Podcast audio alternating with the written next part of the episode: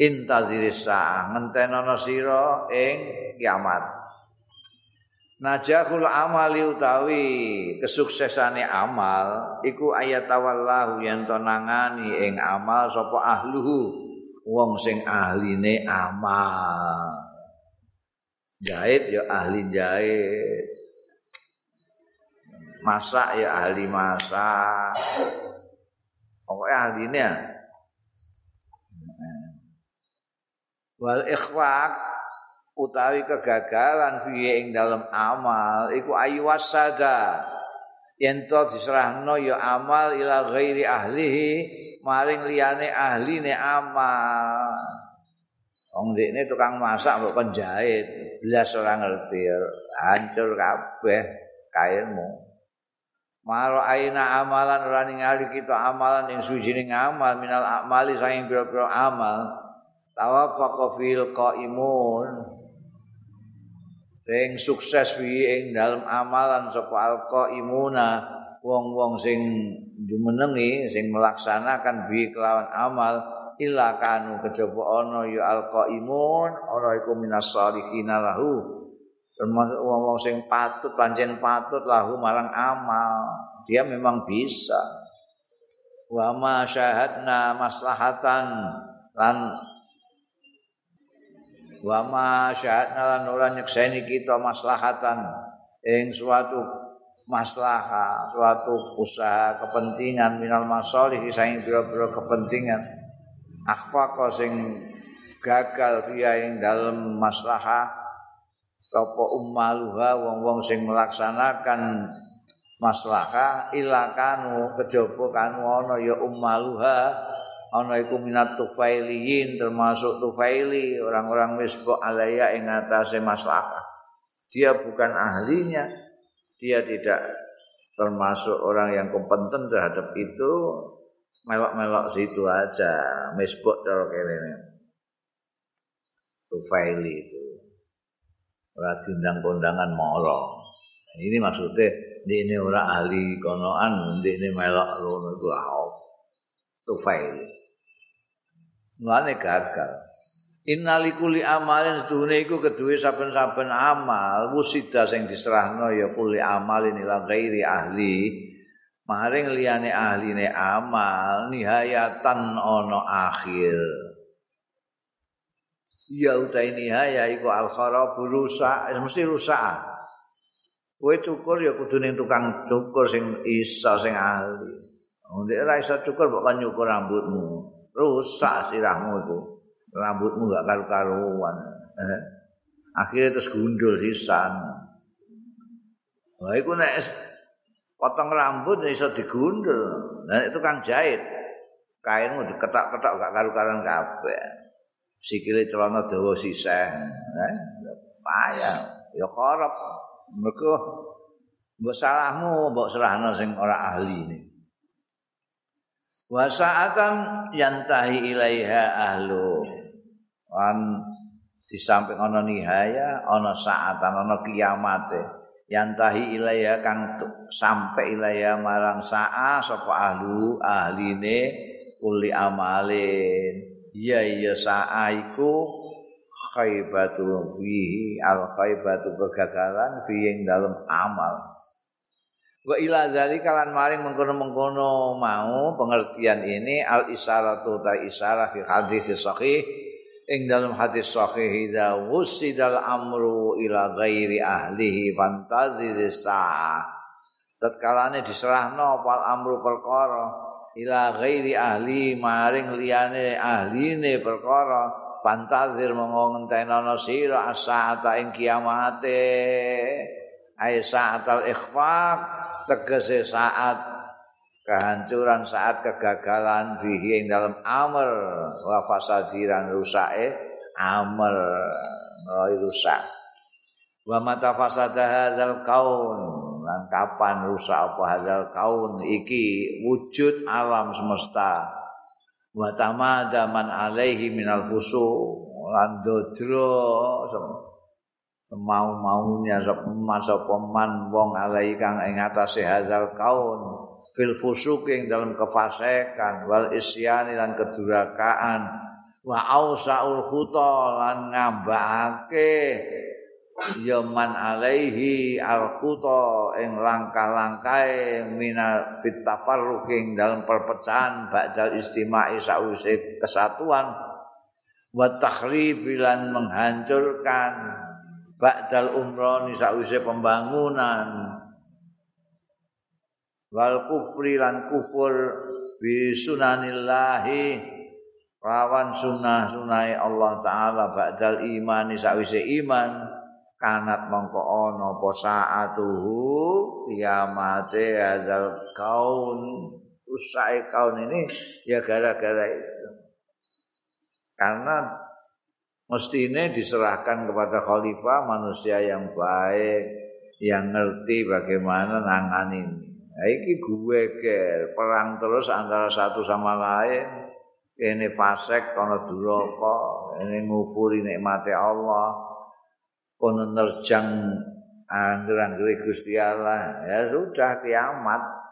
Wa qamat lan ngadeg jumeneng apa kiamat tuh kiamate adzal kaun wa saudamat husadamat lan menghantam ing adzal kaun apa asadamatu hantaman-hantaman tatluha an-naqabat ngiring-ngiring itu disusul nyusul ing sodamat apa an-naqabat apa bencana-bencana. Yauma tarjufur rajifah anain dinane tarjufur rajifah. Goncang gonjang ganjing apa rajifatu Rajifa Rajifa itu kok kiamat trompet pertama itu Rajifa itu trompet pertama datang goncang apa tanpa uhar mongko mengikuti ing Rajifa apa Rajifa itu Ar-Radifa iki trompet yang kedua. Ulukun yauma idzin wajifah tawi ati-ati yauma idzin nalika iku iku wajifatun geter kabeh absar wa khosian meripat meripate kulub iku khosiatun padha tunduk kabeh rawani angkat matanya wa inna ma yakunu zalika angin gustine ana apa zalika mengkono mau li ana ahlahu krana setune ahline kaun lam yaqau ora tetep ya ahluhu ora tetep iku salihina patut-patut kabeh lahu marang hadzal kaun. Sudah tidak pantas untuk menjadi khalifahnya Allah mengatur dan memelihara kaun ini bima kawan barang atau kang nekani ya ahluhu hu ing ma bayane min dulu bil fusuk nyatane macem-macem kefasekan. Anil anzimatil lati sannaha Allah saking tatanan-tatanan alati sannaha sing wis garisake ha ing lati anzima sapa Allah Gusti Allah dia malu supaya ngakoni ngamalake ya ahluhu biya kelawan lati anzima tidak mau melaksanakan tatanan yang diberikan Allah. Ini mbok lakoni iki iki iki. Fahadu anda mongko leweng sapa ahluhu anda saking an alati andima wasalakulan ngambah ya ahluhu ghaira sabiliha ing dalem ing liyane dalane alati andima. Wa inna Allah lan sedune Gusti Allah iku yumhil iku ngeki menunda waktu Gusti Allah yumhil nganehake wae aneh. Wae aneh itu ngeki waktu wala yuhmil lan ora kok nglirwakno hanya memberi waktu. Eh mbok menawa do tobat. Gak tobat-tobat. Kata idalam yapqa sehingga tekalane ora keri fi kausi roja ing dalem gendewane harapan. Apa manzaun? Apa manzaun?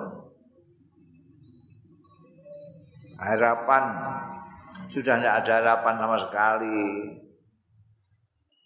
Nenggone nenggone gendewo iki kan ada anak panah, anak panah satu, dua masih. Tapi ya, sudah tidak ada lagi. Ya wes. Dikasih waktu sama Tuhan, tidak kok diabaikan sama Tuhan. Biarkan. Nek dikai waktu kok ndelurung terus ngantek ndak ada harapan lagi untuk baik. Akhadha mongko nyandak sapa Allah al-fasik ing wong fasik an sunnati saing sunat sing padha fasik an sunnati saing sunai Allah taala akhda azizin muqtadir lawan nyandak zat kang maha menang kang maha kuwasa wa auradahu lan nekaake sapa Allahu ing ahluhu mau mawarida makasabat huyada ing panggonan tumekane barang kasabat sing nglakoni hu ing ma apa yada tangan lorone ahluhu. Gaweane tangane dhewe rusak iku Til kau tai mengkono mau iku sunnatullah sunnah ya Gusti Allah walan tajida sunnatullah iku sing wong jaba ngarani hukum alam itu. Til kau hukum hukum alam. Gusti Allah kabeh alam. Alam gaweane Gusti Allah. Til kau tai mengkono mau iku sunnatullah sunnah Gusti Allah walan tajida lan ora nemu ora bakal nemu sira sunnatillahi marang sunnah Allah. Ora bakal nemu tabdilan ing wawan. Maming kaumin ya ngono kuwi. Selamanya kalau orang dipasai sesuatu tidak ahli ya rusak. Ngono ae. Terus kapan saja sudah jadi sunnah. Kemudian rusak kaum kaum dulu itu kan karena itu. Nggak pantas rusak. Pantas rusak. Maming kaumin uhida ilaihim wi amrin falam yasinu fi siyati walam yasinu ora ana ming kaum seuang se sebuah kaum pun satu kaum pun ora ana satu kaum pun uhida ilahi fi amrin sing dipasrah ilahi marang kaum fi amrin ing dalem sucining perkara. Malam yuksinu mongko ora bagusake ya kaum fi siasati ing dalem ngatur amrin.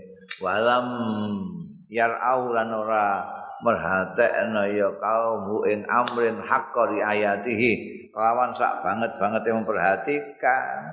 Ilan tasaahu kejaba yo njabel hu ing amrin minhum saking kaum.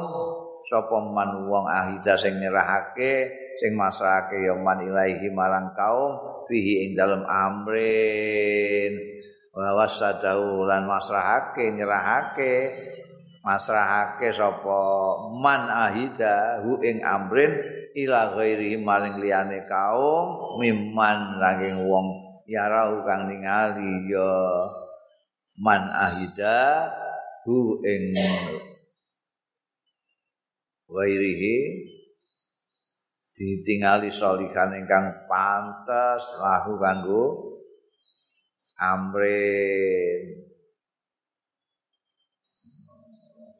diserahi kali-kali. Itu sapa ae? Janji ana wong diserahi kon melaksanakan sesuatu kali-kali ora dilaksanakan dengan baik bahkan tidak sungguh-sungguh ya dijabut sampai sing nyerahno itu diberikan kepada orang lain yang patut untuk melaksanakan urusan itu. Pak in lamun netepake sapa man ahida hu ing amrin fiyadiman ing dalam tangane wong asa sing gawe Allah ya man atasarufa ing tasarufe fi ing dalam amrin ya fantazir wong pengentenono sira saat kharabi ing saat hancure amrin. Nah ya. Itu bener ditarik. Penangani orang lain saja om benar gak iso nek tetep dinjalno ya sudah. Dan ini rusak.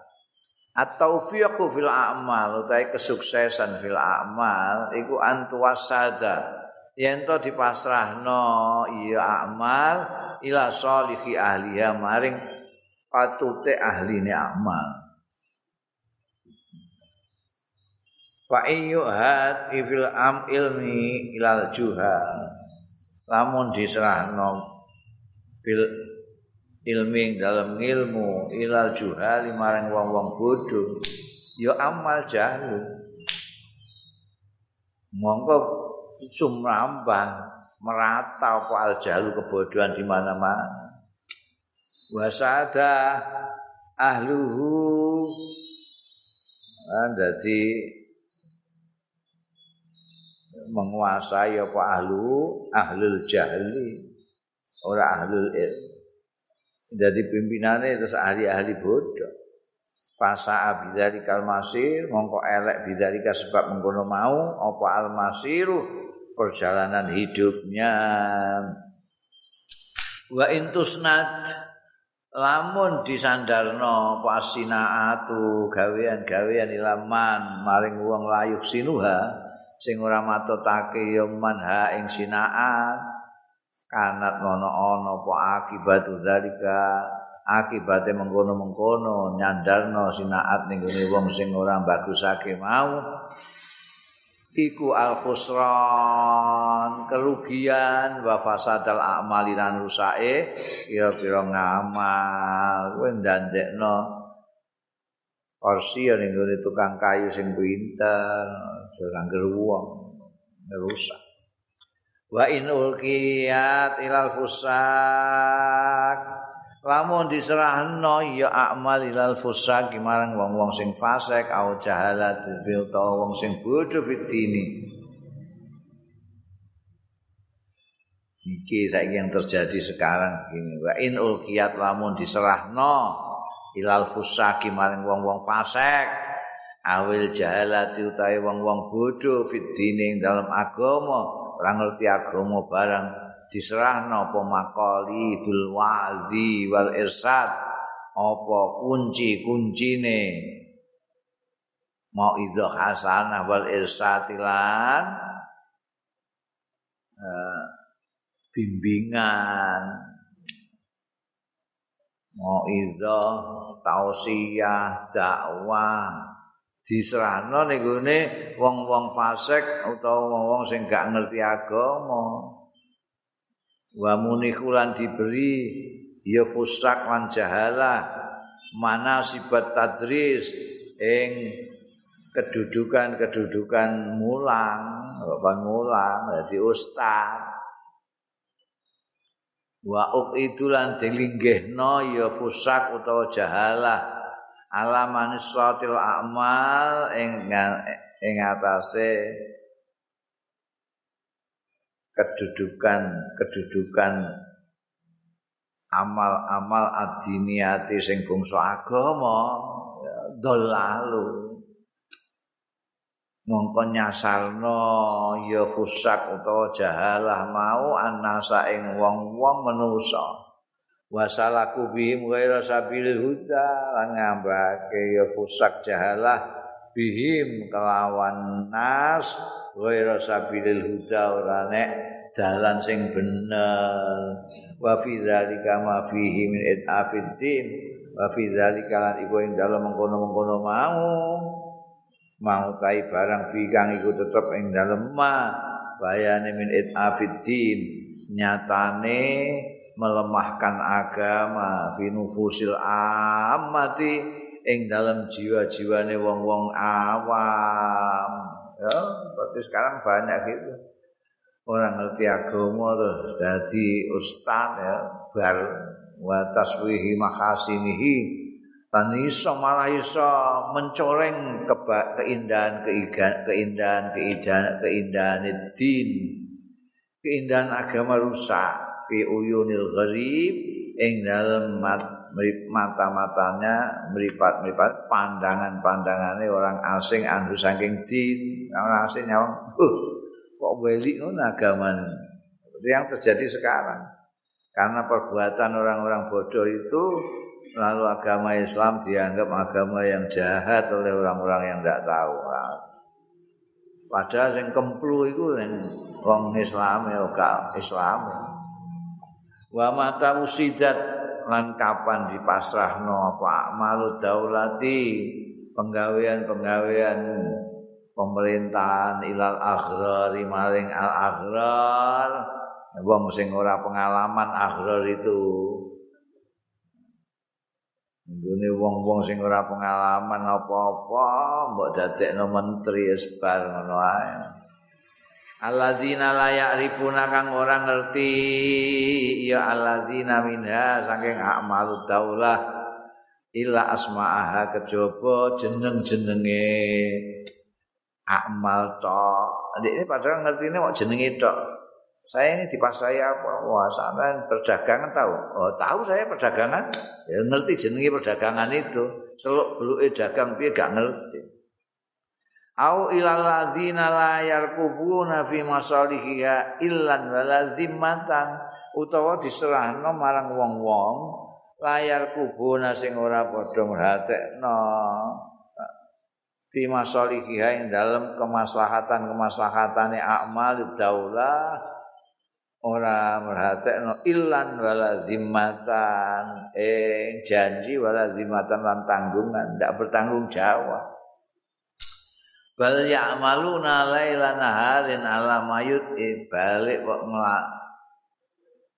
mengerjakan ya alladzina laila nahara ing dalem bengi lan awane alama ing atase barang justru sing yutifu sing melemahkan ya mabaksa ing kekuatane daula liyutri haqaibahum supaya ngebaki ya supaya ngebaki sapa aladzina haqaibahum.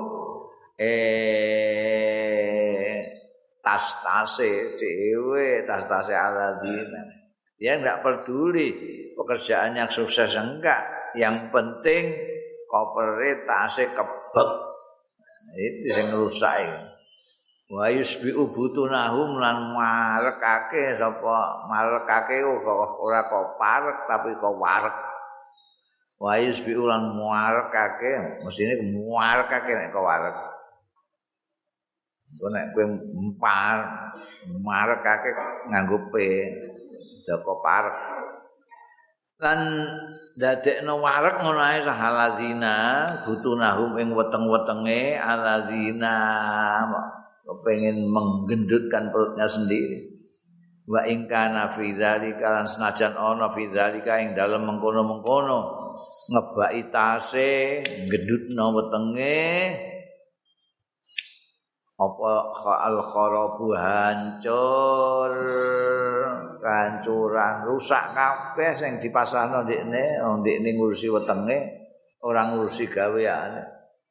Nek ngono nek hal itu diserahkan kepada alladzina mau fantazir mongko ngentenono sira as-saata ing saate kiamate. Wartakib Ngartakib lan ngentenono sira kiamat daulati ing kiamate negara. Negara kok diserahno wong-wong ngono iku ya enteni ae kiamate. Wa ila kulli dzalika lan maring kabehane mengkono-mengkono mau al isyaratu dari isyarah fil hadis ing dalam hadis istainu ala kulli amalin bisalihi ahli.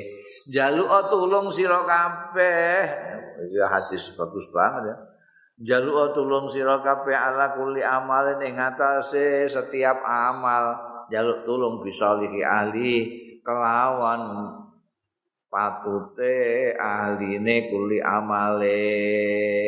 Ya kowe nek kepengin berhasil jaluk tulung pada ahli pada ahlinya supaya ngerjakan itu sudah keberhasilan sendiri dengan menyerahkan pekerjaan kepada ahlinya mbok serana tok itu sudah sudah sudah keberhasilan pertama Fa in istanna lal amri bisalihi alahu. Mongko lamun njaluk tulung kita alal amri ing atase suwijining perkara bisalihi lahu kan wong sing patut lahu kedue amr. Kana min waraihi mongko ana min waraihi ku saking sak burine amr atau fikul apa kesuksesan fi ing dalam amr wan najahulan. Berhasil. Wa inahidna lamun nyerahno kita fil amali ing dalam amali la ghairi salihin. Maring wong sing ora patut lahu marang amal Fakot aslam nahu mongko teman-teman nyerahno kita ing amal ilal kharabi marang kehancuran. Wa qadzafna bihi lan muncalno kita bi lawan amal fi lujajid dimar ing dalem gelombang kehancuran. Wa usika mongko masiati sapa ingsun ka ing sira ayuhan nasi wae generasi yang baru.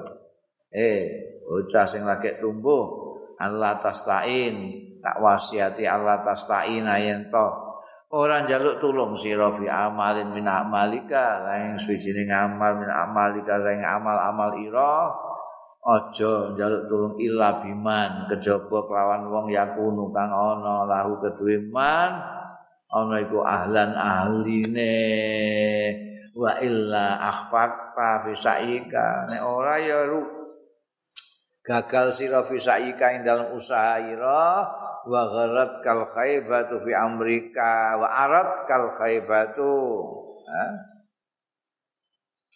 Anda de marakake ing sira pal khaybatu yo kegagalan fi amrika ing dalam perkara ira wa iya kalan wedya sira anta tawalla amalan yen to nangani sira amalan ing amal atas lahu sing ora patut sira lahu kudu amal kamu kalau dipasrai amal apa saja kalau kamu merasa tidak bisa jangan mau tolak saja jangan sampai ini orang-orang menunjuk sampean ya menunjuk saya saya tahu kemampuan saya tidak bisa saya Lah aku nek mbok kongkon nyukur iso.